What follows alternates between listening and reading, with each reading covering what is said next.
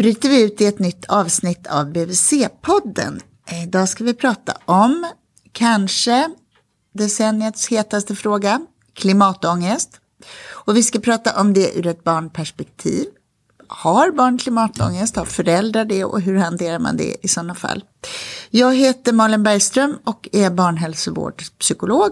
Och idag träffar jag Kata Nylén som eh, är klimatpsykolog då, då kanske. Det är coolare än barnhälsovårdspsykolog. Jag vet inte riktigt. Varför kallar du och dina kollegor er för klimatpsykologerna, Kata? Ja, ja, vi är ju legitimerade psykologer och just jag har ju också jobbat mycket med, med barn i, eh, framförallt i skolsammanhang och så. Eh, men vi kallar väl oss klimatpsykologer för att liksom förtydliga att vi eh, är lite extra kunniga inom hur eh, liksom det forskningsområdet som handlar om hur människan reagerar eh, gentemot klimatförändringarna. Alltså hur vi upplever klimatförändringarna, hur vi eh, känner oss och mår i relation till klimatförändringarna. Men också liksom vad, vi, vad vi gör och vad vi kanske borde göra för att få till en förändring. Mm. Om, du, om vi liksom håller oss till liksom oron eller ångesten över klimatet, vad, hur, hur ser det ut hos barn? Ja, vi vet en hel del om hur det ser ut eh, hos liksom 10-11-åringar. Där har vi en forskare som heter Maria Ojala som har forskat på den, den åldern. Och sen har vi också de här undersökningarna som undersöker hos barn också, så här, frågar dem, upplever du oro för eh, klimatförändringarna? Och det är också barn från 10 år, så, så där har vi eh, koll på att runt 80 procent för tillfället av alla barn är eh, oroliga, mycket oroliga till och med, över klimatförändringarna och miljöförstörelsen. Eh, sen vad det gäller små barn så vet vi inte så forskningsmässigt. Men eh, vi vet ju att föräldrar är väldigt oroliga för eh, klimatförändringarna. Föräldrar till de här små barnen. Och eh, vi vet ju att de här barnen också kommer bli tioåringar ganska snart.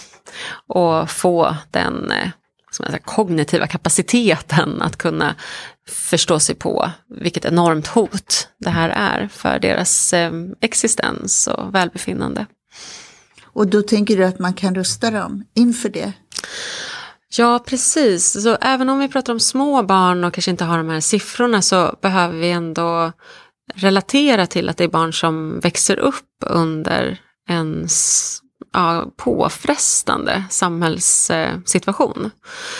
Och då handlar det både om att rusta dem med de färdigheter de behöver för att klara ett ändrat samhällsklimat.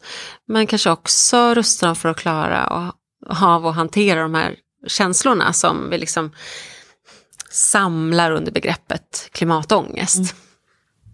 För det är ändå svårt det där, för för mig är ångest och handling de är inte förenliga, Nej. utan ångest är ett förlamande tillstånd. Mm, mm. Och därför har jag tyckt det är underbart när man ser hur barn engagerade och rädda, men ändå det finns ju en väldig drivkraft i den här frågan. Mm, ja. jag, jag tycker länge att man har klagat, så här, den ungdomen nu för tiden, de är inte engagerade i någonting ja, och så.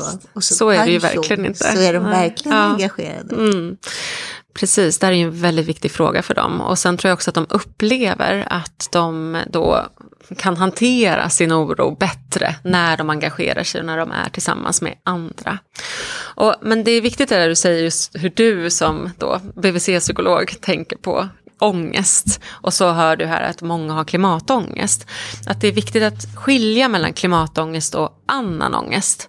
För pratar vi om eh, ja, det som du och jag som psykologer annars när vi pratar om ångest, då är det ju en, en form av eh, reaktion på ett hot som faktiskt inte är ett reellt hot, en ja, orimlig reaktion på ett orimligt hot, där man ska jobba med att helt enkelt träna sig att fortsätta fast, fortsätta precis som vanligt, fast att man känner den här ångesten, alltså inte lyssna på den signalen. Medan när vi pratar om klimatångest, då är det ju ett reellt hot. Så det är egentligen motsatsen, och att reagera på det hotet är det rimliga och det är det vi ska göra. Det är alltså en signal som vi ska lyssna på. Mm. Och en signal som vi ska agera på. Men när det kommer till, om jag tänker att jag är förälder eh, till småbarn och är gripen av den här känslan och tycker mm. att det är skrämmande och frustrerande och för alla del så leder det till att jag sopsorterar bättre och flyger mindre och använder bilen mindre och så vidare. Men är det ändå inte ett potentiellt hinder i föräldraskapet och i min förmåga att bemöta barnen kring det där? Mm. För jag tycker att jag skulle kunna smitta dem med det. Mm. Är det jo. bra då? Eller är det... Mm, nej men eh, det kan ju vara ett, ett hinder om du eh, inte hanterar din eh, klimatångest då på, på rätt sätt eller hamnar i rätt sammanhang. Det som är viktigt här är att man, vi måste tillåta oss att ha de här känslorna. Man kan prata om klimatångest som en termometer på hur världen mår. Och mår naturen och omvärlden dåligt, då kommer också klimatångesten, den kollektiva klimatångesten vara högre. Så egentligen det enda sättet att minska sin klimatångest, det är alltså att se till att världen mår bättre. Mm. Inte genom att trycka undan den eller ignorera den, utan då kommer den ligga där och bubbla hela tiden. Och det som eh, till exempel vi har sett i Maria Ojalas forskning, det är att människor som har klimatångest beskriver de här negativa känslorna när de ställs inför det reella hotet vi är inför. Eh, de människorna skattar faktiskt sin livskvalitet högre och sin grad av meningsfullhet högre än de människor som inte utger sig för att ha klimatångest. Och det är de här personerna som faktiskt agerar på sin klimatångest, att de på något vis vänder sin klimatångest till handlingskraft. Och räcker det som jag gav exempel på med sopsortering och minskad bilresor? Eller är det att man behöver kraften av att jag ska marschera tillsammans med andra? Mm. Eh, nej, det räcker inte att sopsortera. Eh, utan man behöver göra mer av de beteendena som leder till att du är med andra. Alltså vi behöver ha stöd. Man ska inte vara ensam i en sån här kris. Vi människor är jättedåliga på att klara kriser själva. Och vi är ju, den här krisen är så extremt stor så här ska vi verkligen inte vara själva utan vi ska ha en stor trygg grupp runt omkring oss. Och det är man inte när man håller på på sin egen lilla låda där och ja, allt ifrån att sopsortera till att tvätta håret i bikarbonat eller köpa bara ekologiska produkter. Så att eh, vi behöver göra mer kollektiva handlingar och känna att vi också är med och påverkar och det känner vi starkare när vi är tillsammans med många andra. Så att den här föräldern då som eh, känner den här oron och kanske faktiskt blir lite hindrad i sitt föräldraskap för att eh, Eh, man, man, bara är orolig inför sitt lilla barns framtid. Eh, den föräldern skulle jag verkligen rekommendera att försöka hitta sammanhang där man både kan dela sina känslor men också göra något tillsammans för att få till en större förändring som är lite i i magnitud med, eller liksom i paritet med Rätt. den magnitud som klimatförändringarna innebär. Så håller vi liksom på med så här små förändringar, så mini-mini-förändringar.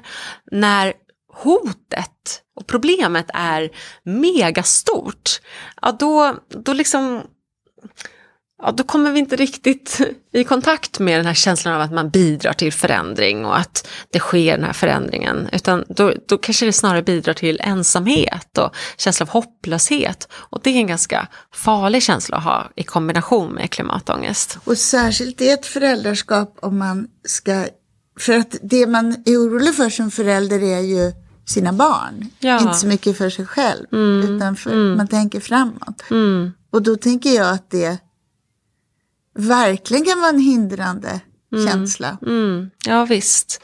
Att, att man äh... måste ha hoppet. Man måste få fatt Ja, i den känslan. verkligen. Och det hoppet måste vara eh, i, i jämförelse med hur stort problemet är. Och jag vet föräldrar som berättar både att de känner oro inför sina barns framtid, det är ju väldigt vanligt. Men sen tror jag också att när man som ganska nybliven förälder, då får man kontakt med barndomen på något vis. Och kanske känner, och min barndom var ju full av hopp om framtid. Den barndomen vill jag kunna ge mina barn. Och så märker man att man inte klarar av att göra det. Man måste hitta liksom något annat att ge sina barn, eller fortsätta ge sina barn hopp. Men kanske inte på det sättet som hoppet var för en själv när man själv var barn. Ehm, då det bara serverades, den här gröna ängen kommer alltid finnas. Och de här möjligheterna kommer alltid finnas för dig.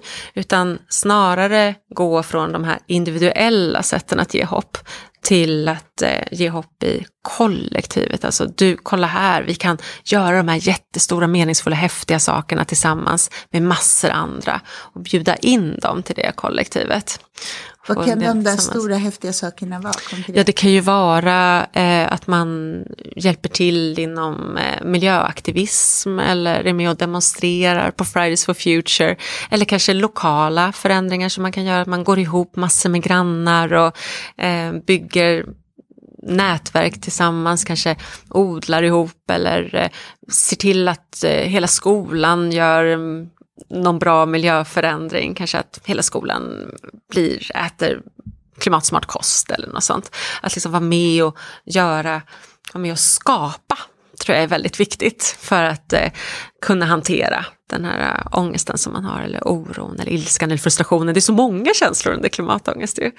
Ja, den är inte så passiv. Nej. Men du, när du säger så här så tänker jag att om vi tänker lite äldre barn så är det väl ändå så att att det här kommer mer från barnen. Att föräldrarna inte går ihop med grannarna och börjar med odlingar.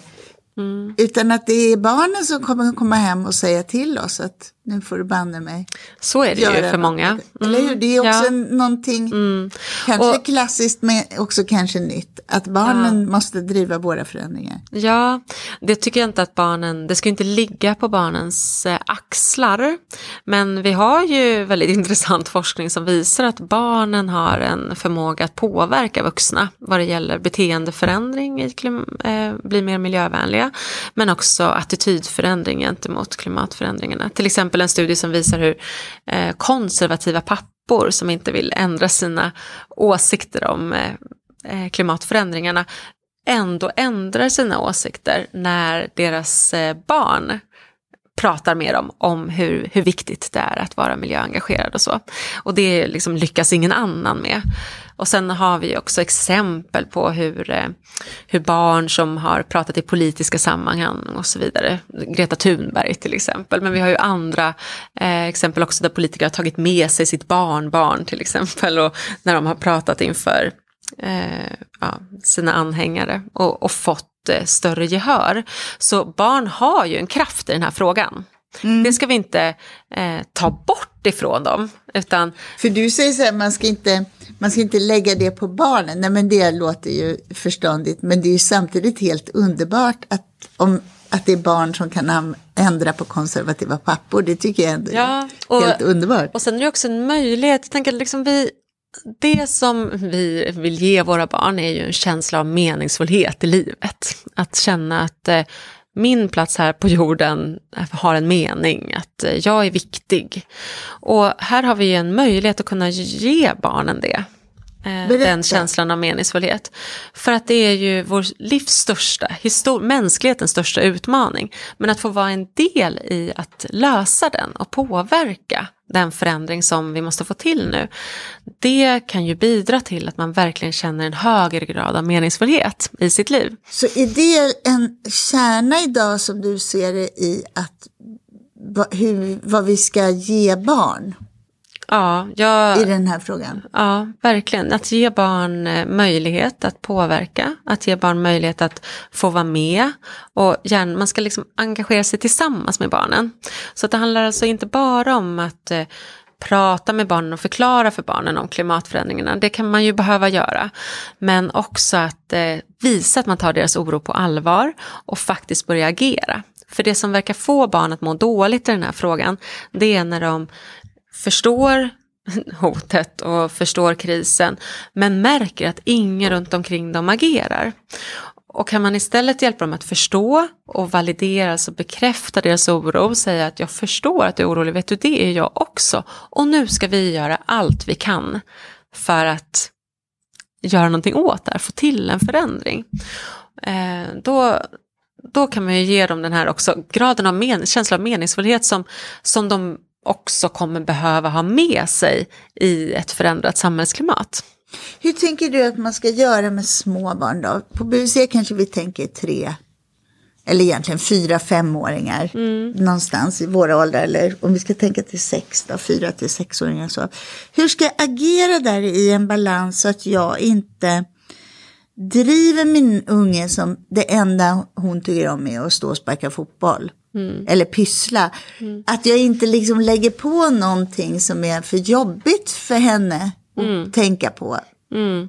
Och ändå försöker ge det här vaccinet då, mot senare svårigheter. Ja, ja precis. Hur jag har ju barn i den åldern själv så jag tänker mycket på den här frågan. Och, eh, för mig är det speciellt för jag jobbar ju ändå med klimatförändringarna eh, och vi har också bott i Kenya med familjen där vi såg klimatförändringarna på ett annat sätt än vad man ser dem här. Så där går det liksom inte att fly ifrån det på det sättet eller blunda utan det är en, re en realitet som eh, jag behöver förklara för mina barn även om de är små. Ehm, jag har en fyraåring och en sjuåring.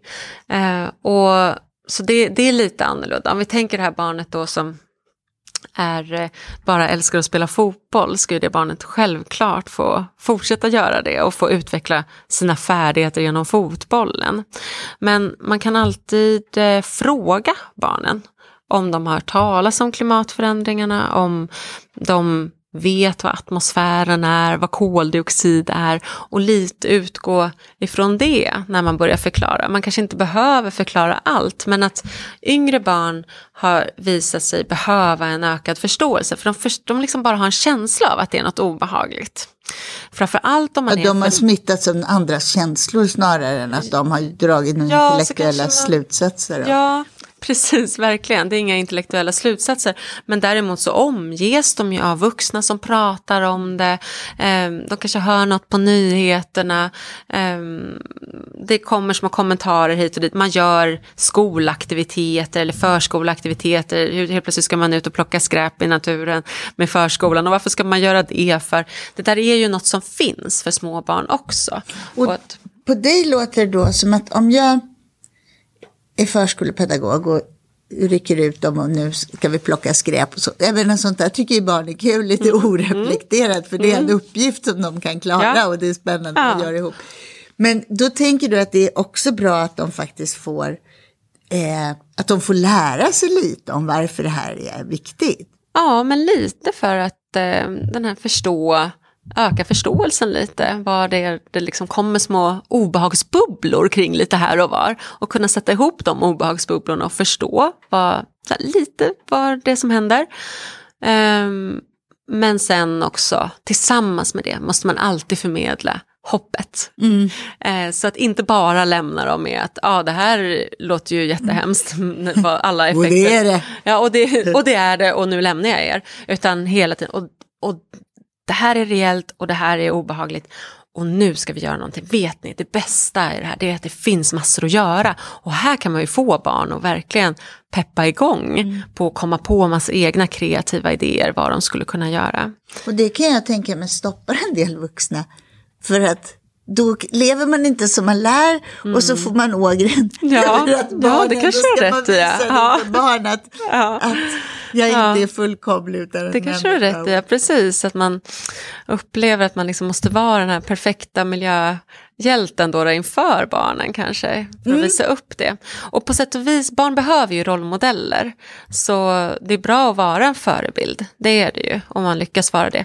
Men kanske framför allt vara en förebild eh, att inte vara den här miljöperfektionisten och snöa in på de små, små detaljbeteendena. Som, det är så lätt att vi människor tror att det enda vi kan göra är att eh, konsumera på ett eller annat sätt. Och då ska man vara den perfekta miljökonsumenten. Man kanske istället kan vara en förebild och visa att eh, man vågar prata om klimatförändringarna, att man eh, vågar, eh, man kanske kan skriva brev tillsammans på förskolan till politiker eller göra någon film till lokalpolitikerna om hur man skulle vilja ha det i sin närmiljö. Göra sådana grejer. Eh, att de typerna av beteendena, det är den beteendeförändringen vi ska komma åt i första hand, snarare än den här beteendeförändringen att ja, alla ska sopsortera och köra elbil. Så. Vad tänker du att vi på BVC kan ha för roll i det här? Kan vi hjälpa föräldrar med de här sakerna? För jag tänker lite utifrån det du säger att vi får heller inte, vi får inte överge barn. Vi får inte lämna barn ensamma med oro. Och som du säger så hör ju barn nu för tiden de vet vad som pågår och de kan, kan kanske inte kapacitet att själva mm. sätta, eller det har de förstås inte om de är små. Mm. Men vad, vad kan, hur kan vi stödja föräldrar i det här? För det gör inte vi idag och mm. åtminstone har inte jag tänkt konkret på hur vi kan göra det. Mm. Ja, det kanske är samma sak där, att man får väl börja med att fråga om föräldern är orolig. Um, men jag tror att BVC verkligen i den unika kontakt som all BVC-personal har med föräldrar i sånt tidigt skede kan hjälpa föräldrar att förstå att det inte är farligt med att vara orolig för klimatet, att det är inget som man liksom ska vara rädd för att ge barnen den oron, utan att vi måste få känna oss oroliga över det här. Det, vi är, tyvärr är vi i en fruktansvärt jobbig situation där vi, vi redan, vår värld lider redan och vår natur lider redan eh, av eh, klimatförändringarna. Och det är inget som, det är fakta som vi måste förhålla oss till, som är där. Och det är klart att vi känner oss frustrerade att inte mer händer, eller oroliga över vad det här ska leda till, eller en sorg, eller känner skuld att vi borde göra mer. Alla de här känslorna är väldigt rimliga känslor för föräldrar att känna, men också för deras barn att känna. Så man kan liksom lära föräldrar det i ett tidigt stadium, eh, och också eh, lära föräldrar att eh, få använda sig av det här för att liksom skapa en meningsfull relation med sina barn. För det är ändå det som eh, jag tänker är, eh, vad ska man säga, det det göttiga mm. med, med det här tragiska, det är att vi har en chans att göra meningsfulla saker med våra barn.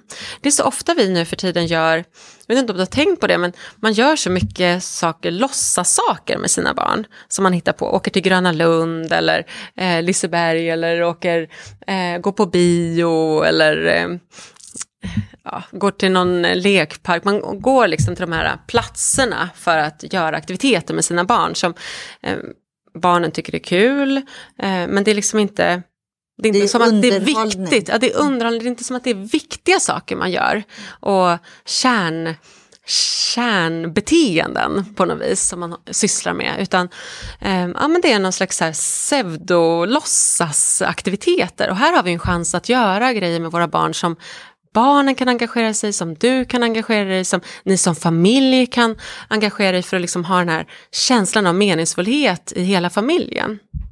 Eh, så det tror jag ändå är en möjlighet som man också kan ge till föräldrar.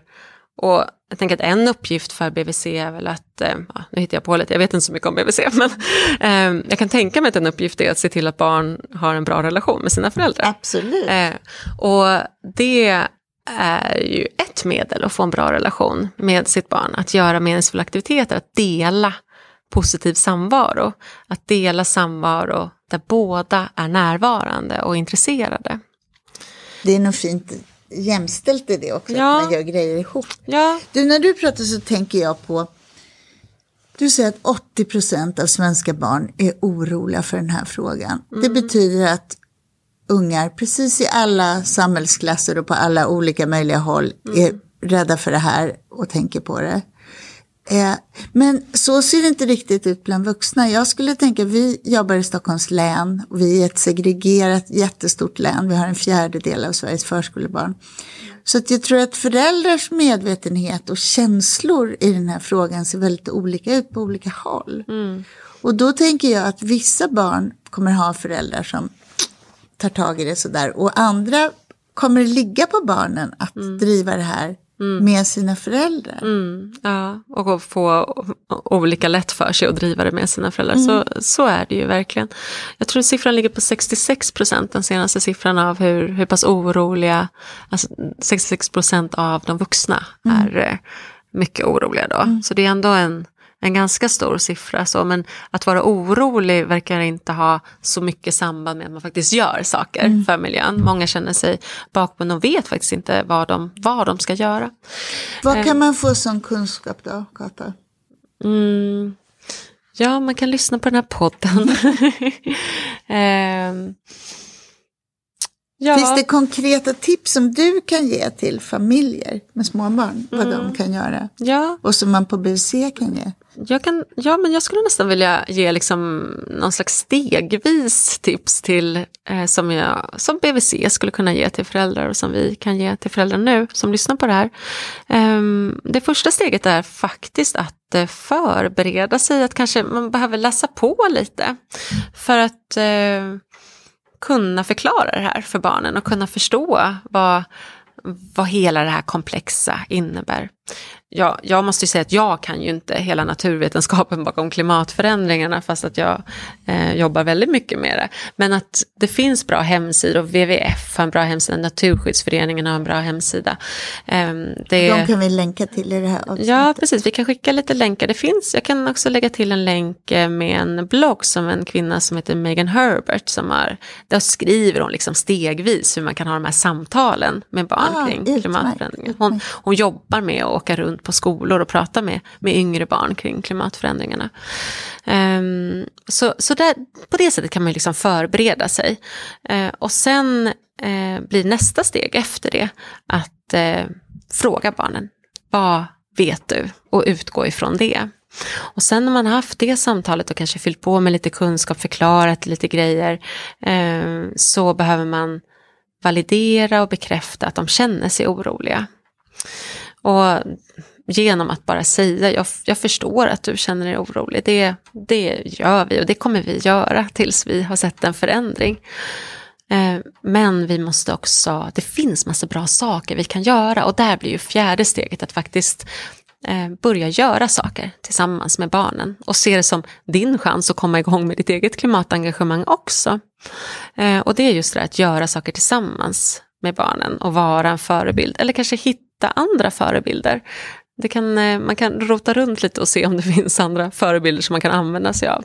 Jag vet ju att Greta Thunberg har varit en förebild för många barn, så, som en liten idol. Så.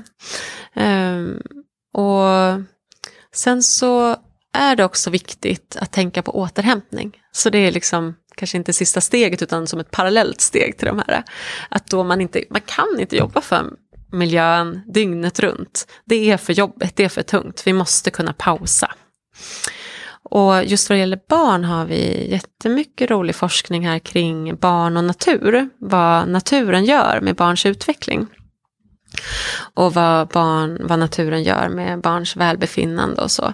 Så att se till att vara mycket i naturen verkar vara en fiffig grej tillsammans med dina barn. Eh, både för återhämtning, för att barn som är mycket i naturen har visat sig vara mindre stressade, ja, ha ett högre grad av välbefinnande, men samtidigt en högre grad av energinivå och eh, förhöjd inlärningsförmåga och så vidare. Så det finns väldigt mycket positiva effekter att vara mycket i naturen. Ehm, men sen har vi också sett att barn som är mycket i naturen under uppväxten, de är mer engagerade i miljön, i miljöfrågor senare i livet. Och det har man då jämfört med huruvida det liksom påverkar om barnen gör miljövänliga handlingar. Att det verkar inte alls påverka i samma grad om de gör det senare i livet, när de växer upp, än att vara i naturen. Så att också vara mycket i naturen med barnen, det, det är verkligen att servera bra färdigheter som de behöver framöver. Och som de behöver i klimatengagemanget också. Behöver man kunna saker? Är det liksom, ska man tala om vad som är en tall och en gran och en talltita? Eller är det själva lekandet? Ja, jag tror det. Det finns en eh, jättefin studie nu när man följde ett gäng familjer som hade tre till fyraåringar. Eh, då var de bara ute i naturen och lekte. Och så jämförde man deras interaktion, hur de kommunicerade med varandra och pratade med varandra. Så jämförde man den när de var i naturen och sen när de var inomhus. Och såg att de hade mycket bättre turtagning, eh, mycket mer så här prosociala beteenden. Så frågade om hjälp, bad om hjälp. Eh, ja, var mer närvarande i samma aktiviteter när de var i naturen och lekte än när de var inomhus och lekte. Så, och där kollade man inte alls på om de förklarade naturen eller så. Eh, det det är nog bara själva miljön. Vi människor är ju en del av naturen. Det är lätt att man glömmer det. Man tänker att naturen är där borta och sen är vi människor här. Men vi är ju lika mycket naturliga varelser som bina och lejonen och växterna egentligen. Men det låter också som det där du sa, man gör, det är liksom underhållning, man åker till Gröna Lund eller till ett lekland eller gör mm. aktiviteter med barnen. Och då menar du att att vara i naturen, det är någonting annat än det? Det är någonting annat, absolut. Det är, eh, det är något som skapar bättre relation i alla fall. Sen behöver det inte betyda att man absolut inte ska åka till Leos lekland om barnen älskar det. Eh, men att vi, eh, vad det gäller miljöförändringarna och miljöfrågan så eh, har vi mycket att vinna på att vara i naturen med barnen. Fylla på med och också att engagera oss i miljöfrågan med barnen. Att våga göra det. Det, det är inte farligt. Så länge man är där och ger det här hoppet till barnen så är det bara en chans att eh, öka mängden meningsfullhet i familjen. Jag måste avrunda med att fråga dig, för jag, det, det, har varit sådär artikelserier och jag har hört på radion om att ja, men man vill inte skaffa barn för det var det sämsta man kunde göra ur klimathänseende mm. och mm. att det är liksom barndomen, det är en, en miljöbov och så. Mm. Hur ska man tänka kring det där? Ja, precis, det är den här äh, Lundstudien ja, som, där man graderar olika beteenden, hur mycket det släpper ut. Eh, där liksom det som kom absolut högst på den skalan var att skaffa barn. Och dels har man räknat på ett tokigt sätt. Man har alltså räknat hur mycket ett barn släpper ut på en hel livstid som om det barnet hade vuxit upp i de utsläppsnivåer vi har nu. Och det håller ju inte, vi kan inte ha de utsläppsnivåer vi har nu, så det barn, våra barn kommer inte släppa ut på det sättet. ehm, och sen så är det ju också man jämför det med en flygresa då då, som släpper ut här och nu, medan en hel livstid. Det är klart att det slår i taket hur mycket ett eh, potentiellt barn som är uppvuxet i Sverige släpper ut ungefär på snitt. Så. Eh, man eh, kan ju, jag tycker man ska akta sig för att eh, lägga in de så grundläggande värdena som ger människor meningsfullhet och värde i livet som att skaffa barn. Eh, och, och, alla de positiva effekter det kan ge. Att akta sig för att liksom prata om det på utsläppsnivå. Mm. Då liksom pratar vi om egentligen helt olika saker. Det är, inte, det är inte ett beteende att skaffa barn. Det är liksom en hel livs, livsförändring. Men att göra en flygresa, det är ett beteende. Eh, så, så jag, jag, kan förhålla mig ganska skeptisk till den barnfödarskamningen. Sen är jag väldigt förstående att man inte vill skaffa barn. Eh, på grund av den här oron och sätta ett barn till världen. Men eh, vi, vi är i ett läge nu då vi har eh, väldigt ont om tid för att få till den här förändringen vi behöver få till. Vi är egentligen i ett fönster, tvåårsfönster, som eh, enligt forskarna, vi har möjlighet att göra förändring, vi har möjlighet att få till en mer hållbar värld, men vi måste göra det nu. Och utifrån det så kan man tänka att, ja, vad ska jag lägga min tid på de här två åren som jag har nu? Eh, hur kan jag engagera mig? så mycket som möjligt och bidra till så stor förändring som möjligt. Det är därför vi också måste prata om stora förändringar, för att vi har så bråttom och påverka politiska beslut och sådana såna bitar. Um, och då kan ju vissa uppleva att att skaffa barn tar tid ifrån en att engagera sig. Men andra kan uppleva att skaffa barn ger en tid till att engagera sig i klimatfrågan och kanske ger en incitament. Många som berättar att de har blivit engagerade och aktiva i miljörörelsen just när de fick barn. Uh, jag är en av dem, bland annat. För då känner man att framtiden får en annan ja, betydelse. Ja, och man relaterar till andra barn också tror jag på andra delar av jorden som, eh, som redan lider av klimatförändringarna. Det är miljontals barn som har det jättesvårt med mat och vatten på grund av klimatförändringarna redan nu. Och har man sitt egna lilla barn och sitter där med det så kan man verkligen relatera till den andra föräldern som, hjärta, som, liksom. eh, som sitter där i, i Kenya och inte klarar av att amma sitt barn på grund av vattenbrist. Mm. Mm. Är det någonting jag har missat att fråga som du skulle vilja säga? Um, jag tycker du har ställt väldigt bra mm. frågor. Sen kan jag prata hur länge som helst om det här. Men uh, nej, jag tycker det jag tycker det är bra. Ja, jag tror det. Då tackar jag dig ja. Kata och så bryter vi ut från det här avsnittet. Mm. Tack. Bra, tack så jättemycket för att jag fick komma hit.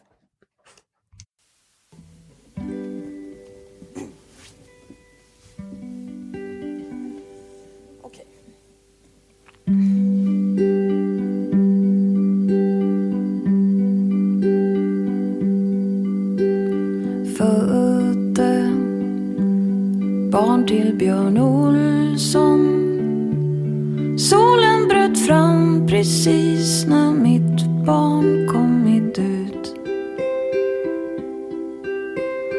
Låg i en pöl av svett och blod. Barnmorskan sa jag såg din spelning på Luleå kulturhus. Hörde fåglarna sjunga om